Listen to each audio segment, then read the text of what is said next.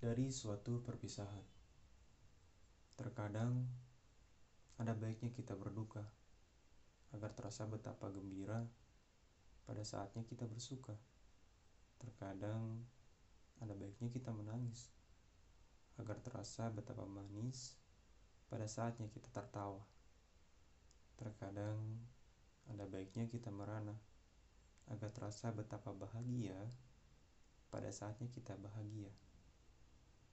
Jika sekarang kita berpisah, itu pun ada baiknya juga.